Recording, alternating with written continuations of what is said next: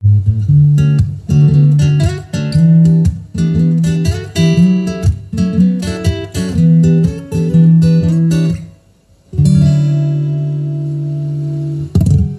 ini saya harus pelan-pelan dok, soalnya banyak sekali yang informasi baru yang kita baru terima. Jadi um, bahwa trauma itu yang uh, kita kan anggapnya itu suatu ya udah di masa lalu gitu dok ya, suatu yang uh, harusnya nggak nggak bikin kita setakut ketika itu terjadi, tapi ternyata nyatanya kita tadi ada jam yang rusak di tubuh kita yang kita tidak tahu bahwa itu sebenarnya di masa lalu gitu dok ya. Cognition kita menganggap itu di masa lalu, tubuh kita menganggap itu barusan saja terjadi. Makanya sulit untuk bicara hanya maju atau hanya mengingat untuk uh, membersihkan trauma. Keduanya butuh pendekatan di tengah nih. Mm-hmm. Pendekatan neuroscience yang baru. I see. Jadi hmm. ada titik temu di tengahnya dok ya supaya kita bisa terlepas dari yang tadi menarik kita ke belakang tadi dok ya.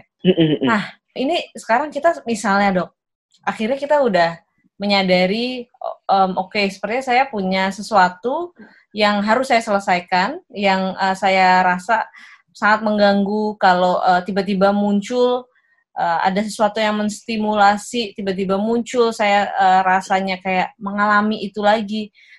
Nah, supaya tadi misalnya akhirnya menemukan ada sesuatu yang salah dengan diri kita tentang um, apa yang kita alami seperti yang kita dokter sampaikan tentang bagaimana trauma itu begitu menakutkan, apa yang pertama harus kita lakukan? Yang pertama harus dilakukan adalah memastikan keamanan diri karena trauma itu bicara soal ancaman, soal keselamatan, soal perasaan tidak aman. Hmm. Maka betulan pastikan diri kita aman. Maksudnya ya kalau itu ada di tengah jalan ya minggir, Okay. Kalau kita lagi rame-rame dan rasanya takut, ya ke toilet dulu. Pastikan kita punya space buat aman. Selanjutnya, baru calming down tuh pikiran karena kita butuh waktu untuk untuk menenangkan nervous system yang lagi aktif tadi. Mm-hmm. Si saraf simpatis karena lagi trauma itu biasanya wah aktif banget. Kita perlu menenangkan dia.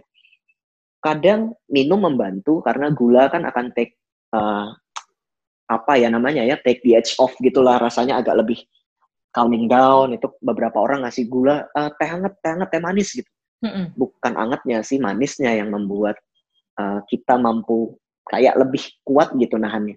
Nah itu juga masalah tapi kalau sering-sering ya kita jadi diabetes. Kalau nggak sering-sering boleh lah yang manis. Next ah, tenangkan okay. dengan cara dengan cara yang kita bisa. Uh, deep breathing misalnya atau relaksasi otot misalnya atau sekedar minta teman untuk menemani dan bercerita misalnya.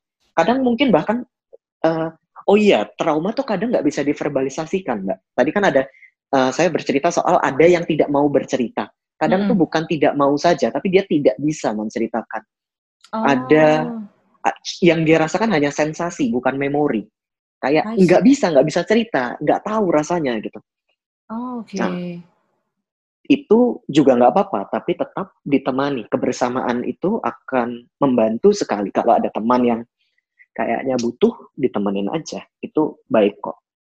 Nah, nah uh, ini misalnya uh, kita posisi ada di posisi sebagai teman itu dok ya.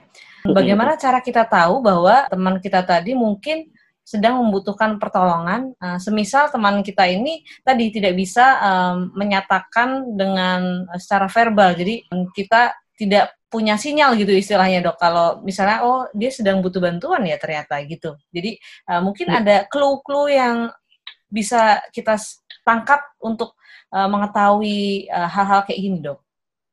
Ada dok. Kalau uh, kalau ini pola berulang, trauma tuh kan apa yang dari masa lalu tapi masih terulang sampai saat ini.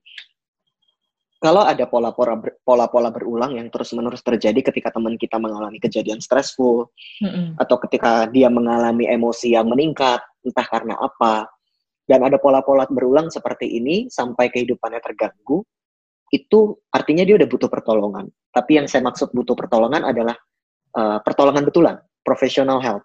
Hmm. Trauma itu sulit sekali dok, trauma itu sulit sekali. Bahkan let's say psikologis atau psikiatris itu butuh kita butuh psikologis dan psikiatris yang trauma sensitif yang yang belajar khusus tentang trauma karena tidak tidak semuanya uh, mampu menangani kasus-kasus trauma. Ya sama sih kayak kayak ada topik-topik yang dokter tertentu khusus dia lebih suka kasus-kasus jantung misalnya atau dia lebih mm -hmm. suka kasus-kasus perut kayak gitu kan itu ada ya. Nah, sama psikiater, psikologi juga juga ada ada kayak spesialisasinya gitulah ya.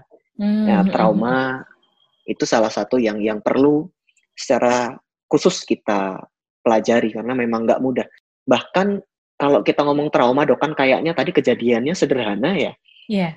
Eh, kejadiannya besar sorry, kejadiannya tuh hal yang huge pembunuhan, pemerkosaan, gempa bumi, kecelakaan mm -hmm. gitu rasanya ya. Tapi sebenarnya hal-hal sederhana yang kita banyak alami sehari-hari itu sebenarnya bisa mengakibatkan trauma. Trauma itu uh, sesuatu hal yang sangat berat, yang unbearable, tidak mampu ditahan lagi, yang terjadi sesuai konteks pada saat itu. Ada tiga hal yang bisa ngebikin trauma pada masa kanak, at first childhood experience. Apa aja tuh? Terus emotional abuse, physical abuse, sexual abuse, ada neglect bahkan cuma diabaikan. Emotional neglect, physical neglect. Hmm, yang ketiga hmm. adalah household challenge. Ada domestic violence, ada substance abuse, ada orang tua atau pengasuh dengan gangguan kejiwaan, ada perceraian di dalamnya termasuk. Nah, kalau kita punya empat atau lebih adverse childhood experience ini, itu resiko kesehatannya juga ada loh dok. Ah. Itu kita, iya kita tiga kali lebih mungkin mengalami gangguan paru karena merokok misalnya, dua kali lebih mungkin kena gangguan liver, uh, sebelas kali lebih mungkin punya gangguan zat, ketergantungan terhadap zat maksudnya. Mm -hmm. Nah, mungkin tadi ada hubungannya juga dengan besar, ini ya, dok ya. Jadi abuse, iya, substansial iya, abuse, ada, ada ya? kemungkinan kemungkinan kesehatan fisik. I see.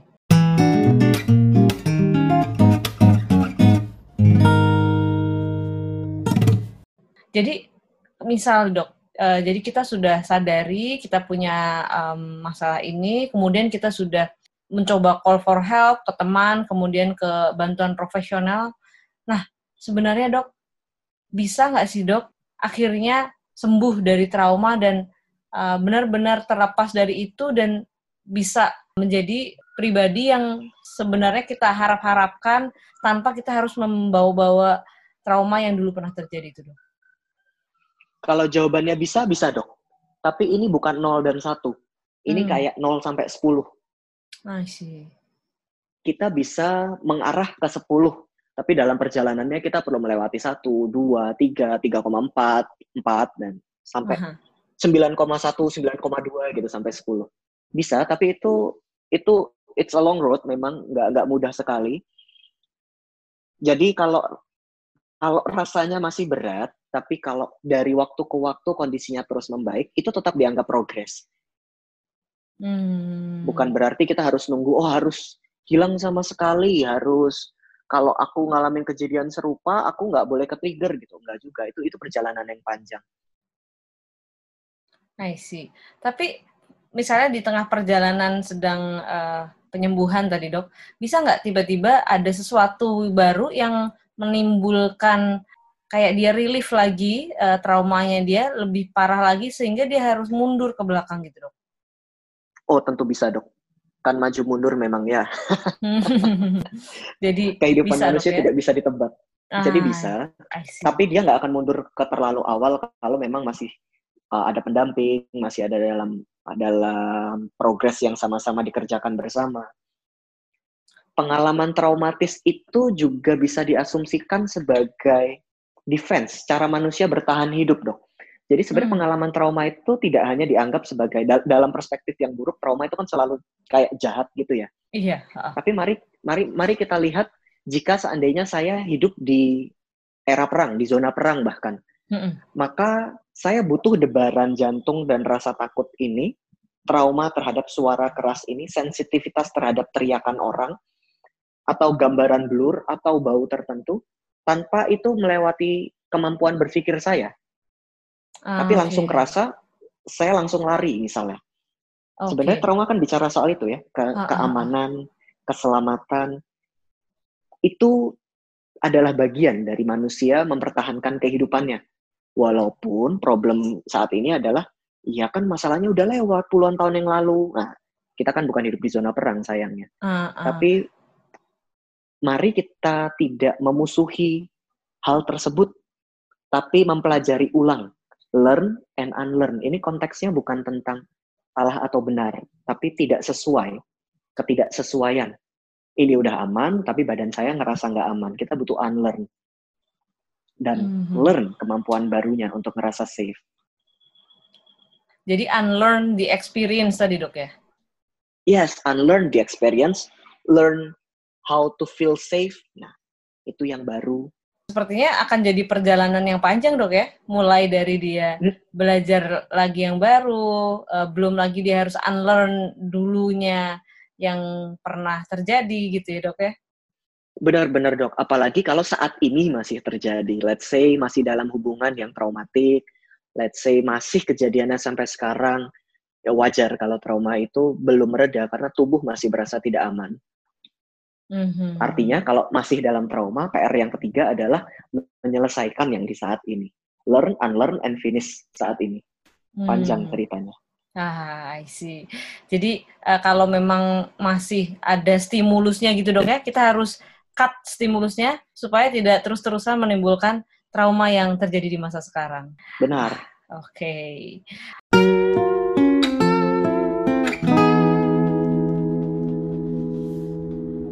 Biasanya kalau di yang terjadi dok butuh berapa lama sih dok sebenarnya untuk kita akhirnya bisa um, merasa menjadi yang lebih baik gitu. Misal istilahnya mungkin dari tadi uh, skala penyembuhannya bisa angka 8, bisa angka 9 gitu paling enggak, Dok. Itu biasanya hmm. butuh berapa lama, Dok? Jika traumanya tidak terlalu berat, tidak dirasakan terlalu jauh di usia yang sangat muda, misalnya traumanya saya saat dewasa, bukan saat anak umur 4 tahun misalnya, itu progresnya biasanya lebih cepat, Dok. Let's say ya hmm. ya 8 minggu atau lebih untuk untuk progres yang kerasa. Kalau traumanya karena pekerjaan misalnya, atau traumanya karena pengabaian oleh uh, bos atau gimana itu ya berat banget sih rasanya sekarang, tapi kita mampu cope. Tapi kalau saat dewasa pun, tapi jenisnya besar, misalnya uh, pelecehan seksual, katakanlah, atau mm-hmm. ancaman terhadap nyawa, mm-hmm. itu juga jadi lama. Selama ah. apa, saya nggak bisa bilang, karena jawabannya saya nggak tahu bisa sangat lamanya kata-kata itu saya mau jawab saya nggak tahu bisa berapa lama tapi dari nol paling enggak ya bisa progres lah 6, hmm. 7, 8 gitu. Hmm. Tapi bisa jadi panjang. Oke. Okay. Jadi apalagi um, itu dari masa kecil ya, Dok ya. Jadi apalagi yang kalau dari, dari masa kecil. Masa kecil itu lebih lama, Dok ya, berarti butuh waktunya. Bisa jadi lebih lama karena kita akan kita akan merasakan dulu itu kejadian dari mana, kapan, apa yang terjadi, apa konteksnya. Kita juga butuh memahami konteks. Anak waktu itu tidak memahami konteks, makanya dia begitu ketakutan. Anak nggak bisa membedakan harimau yang datang dengan orang hmm. tua yang marah. Rasanya sama. Rasanya hmm. sama-sama menakutkan. Makanya jadi peristiwa traumatik, padahal cuma misalnya orang tua sering marah-marah gitu. Hmm. Buat orang dewasa kan, ya ini emang, emang orang tuanya aja kebanyakan ngomong, berisik, hmm. tukang marah gitu. Tapi hmm. buat anak, itu bisa jadi sangat sangat besar dampaknya. Karena hmm. anak nggak bisa bedain rasanya tetap sama-sama nggak aman. Dia perlu belajar tentang konteks itu. Dan bukan belajar secara kognitif ya maksud saya ya. Belajar merasakan bahwa orang tuanya itu bukan hanya figur orang tua tapi figur manusia yang juga punya luka sebelumnya yang tidak tahu pada saat itu melakukan apa dan lain sebagainya. Itu kan proses panjang ya jadinya ya. Bukan memaklumi ya dok ya. Bukan memaklumi tapi menyadari. Kita menyadari. tidak menganggap yang tidak menganggap yang salah itu jadi benar, tidak yang salah tetap salah. Tapi kita sadar, oh ternyata tidak sesederhana itu, itu rasanya nanti. Mm-hmm. Jadi um, mencoba membedakan tadi dok ya, membedakan mana yang sebenarnya terjadi di masa itu dan yang kita secara tidak sadar kita menganggap itu sesuatu yang mungkin lebih besar dari yang sebelumnya gitu nggak sih dok yang tadi dokter maksud? Bisa jadi kalau kejadiannya memang hanya orang tua marah-marah iya. Kita perlu hmm. membedakan oh ini mana realita yang sebenarnya atau itu perspektif saya sebagai kanak. Hmm. Tapi bisa juga kan memang kejadiannya besar ya dok ya. Yeah. Ya, pemukulan saat anak itu kan juga juga real dan banyak terjadi sebenarnya. Kalau itu ya bukan bukan memaklumi tetap, tapi menyadari ada banyak konteks di sana.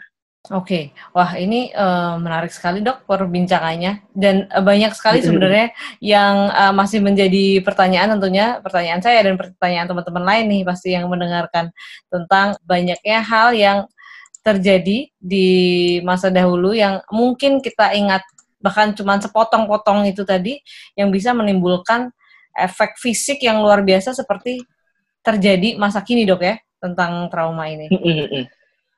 Nah, eh, dok, kalau misalnya dok, tadi kita balik lagi, misalnya kita sudah menyadari, kita sudah mencari bantuan, kemudian kita sudah melakukan hal-hal yang uh, kita perlu lakukan supaya kita cepat bisa membaik, uh, cepat bisa menyembuhkan diri kita dari apa yang kita alami di masa lalu.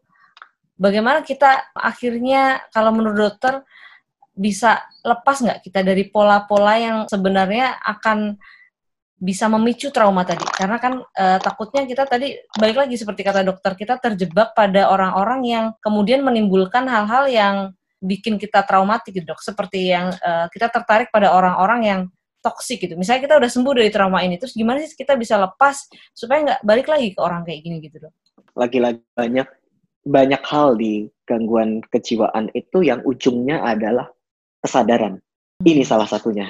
Kita perlu sadar ada pola di sini dan secara sengaja memilih untuk breakdown the pattern. Okay. Memahami adanya pola ini tidak mudah sama sekali karena bisa saja rasanya seperti enggak kok emang gue sayang, enggak kok emang emang bener dia orangnya lucu gitu. Kita enggak sadar kalau ada pola.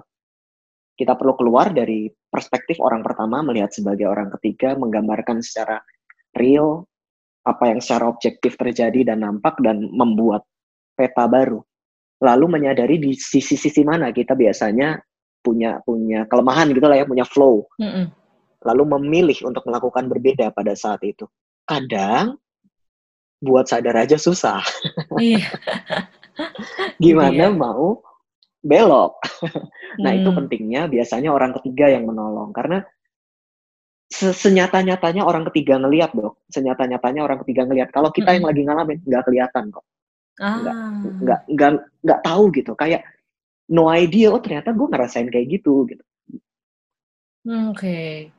jadi uh, se kita bukannya nggak mau mengulangi eh, bukannya kita mau gimana ya kalimatnya bukannya kita tidak mau itu berulang uh, supaya nggak berulang lagi tapi ternyata kita sendiri tidak paham bahwa kita punya pola itu dan kita tidak tahu bahwa orang yang datang yang baru itu juga bisa memicu hal yang seperti dulu gitu dok ya betul dok kita nggak sadar clueless sadar. kosong clueless. gitu aja clueless uh -uh. betul hmm. oke jadi di situlah di mana uh, mungkin teman atau orang terdekat kita bisa membantu kita ya dok ya supaya kita tidak masuk lagi ke pola yang sama yang menimbulkan masalah dari awal tadi gitu Yes, yes. Itu pentingnya mendengarkan teman yang objektif pada saat itu. Nah, ini nanti PR lagi tuh dok, gimana uh, kita bisa uh, take aside perasaan kita dan mendengarkan teman kita yang objektif dok. nah, itu, itu, itu, itu, itu. Itu kan bukan berarti karena kita tahu yang benar, maka pilihan yang benar itu mudah dipilih. Sama sekali enggak. Sebaliknya, justru karena kita tahu yang benar, kita akan tahu yang benar itu susah buat dipilih. Nah. Oke, oke, siap dok.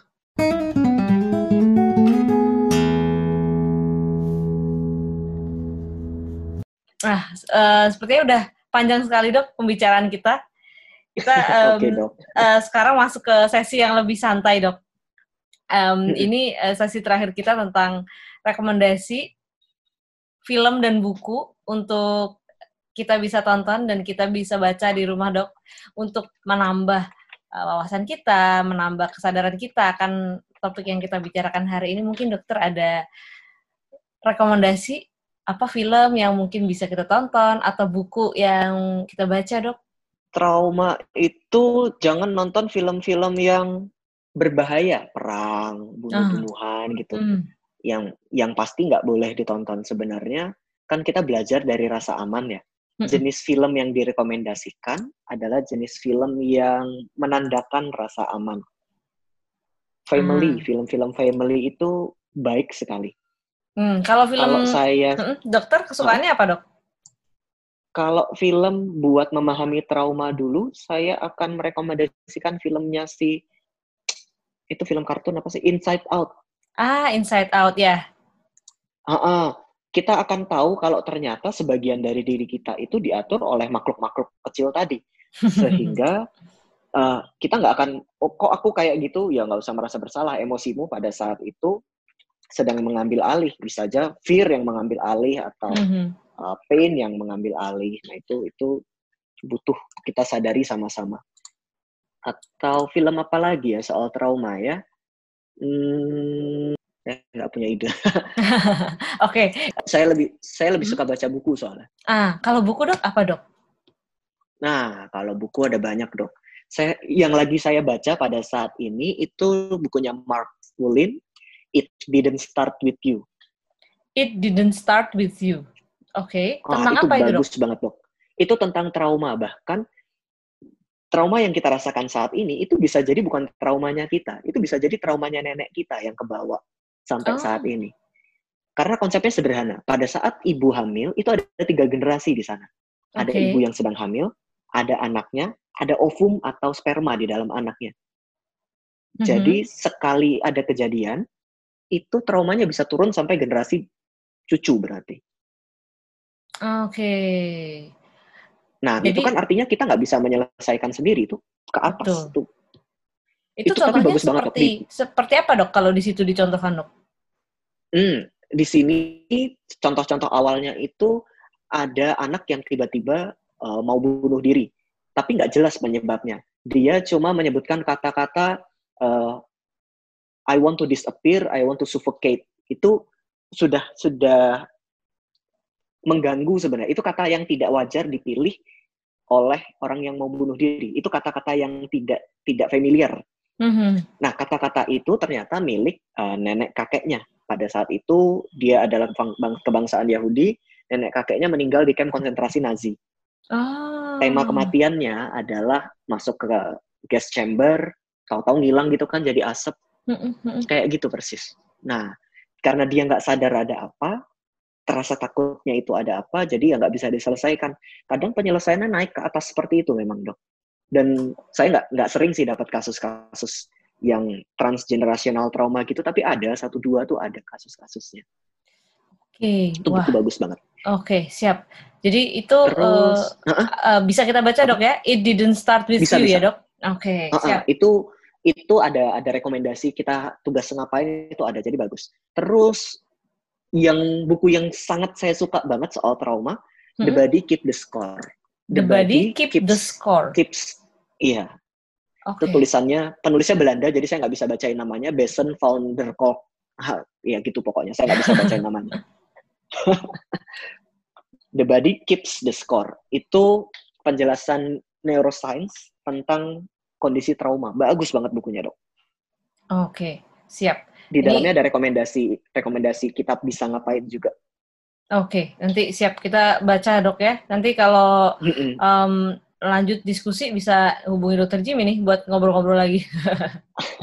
bisa banget dok.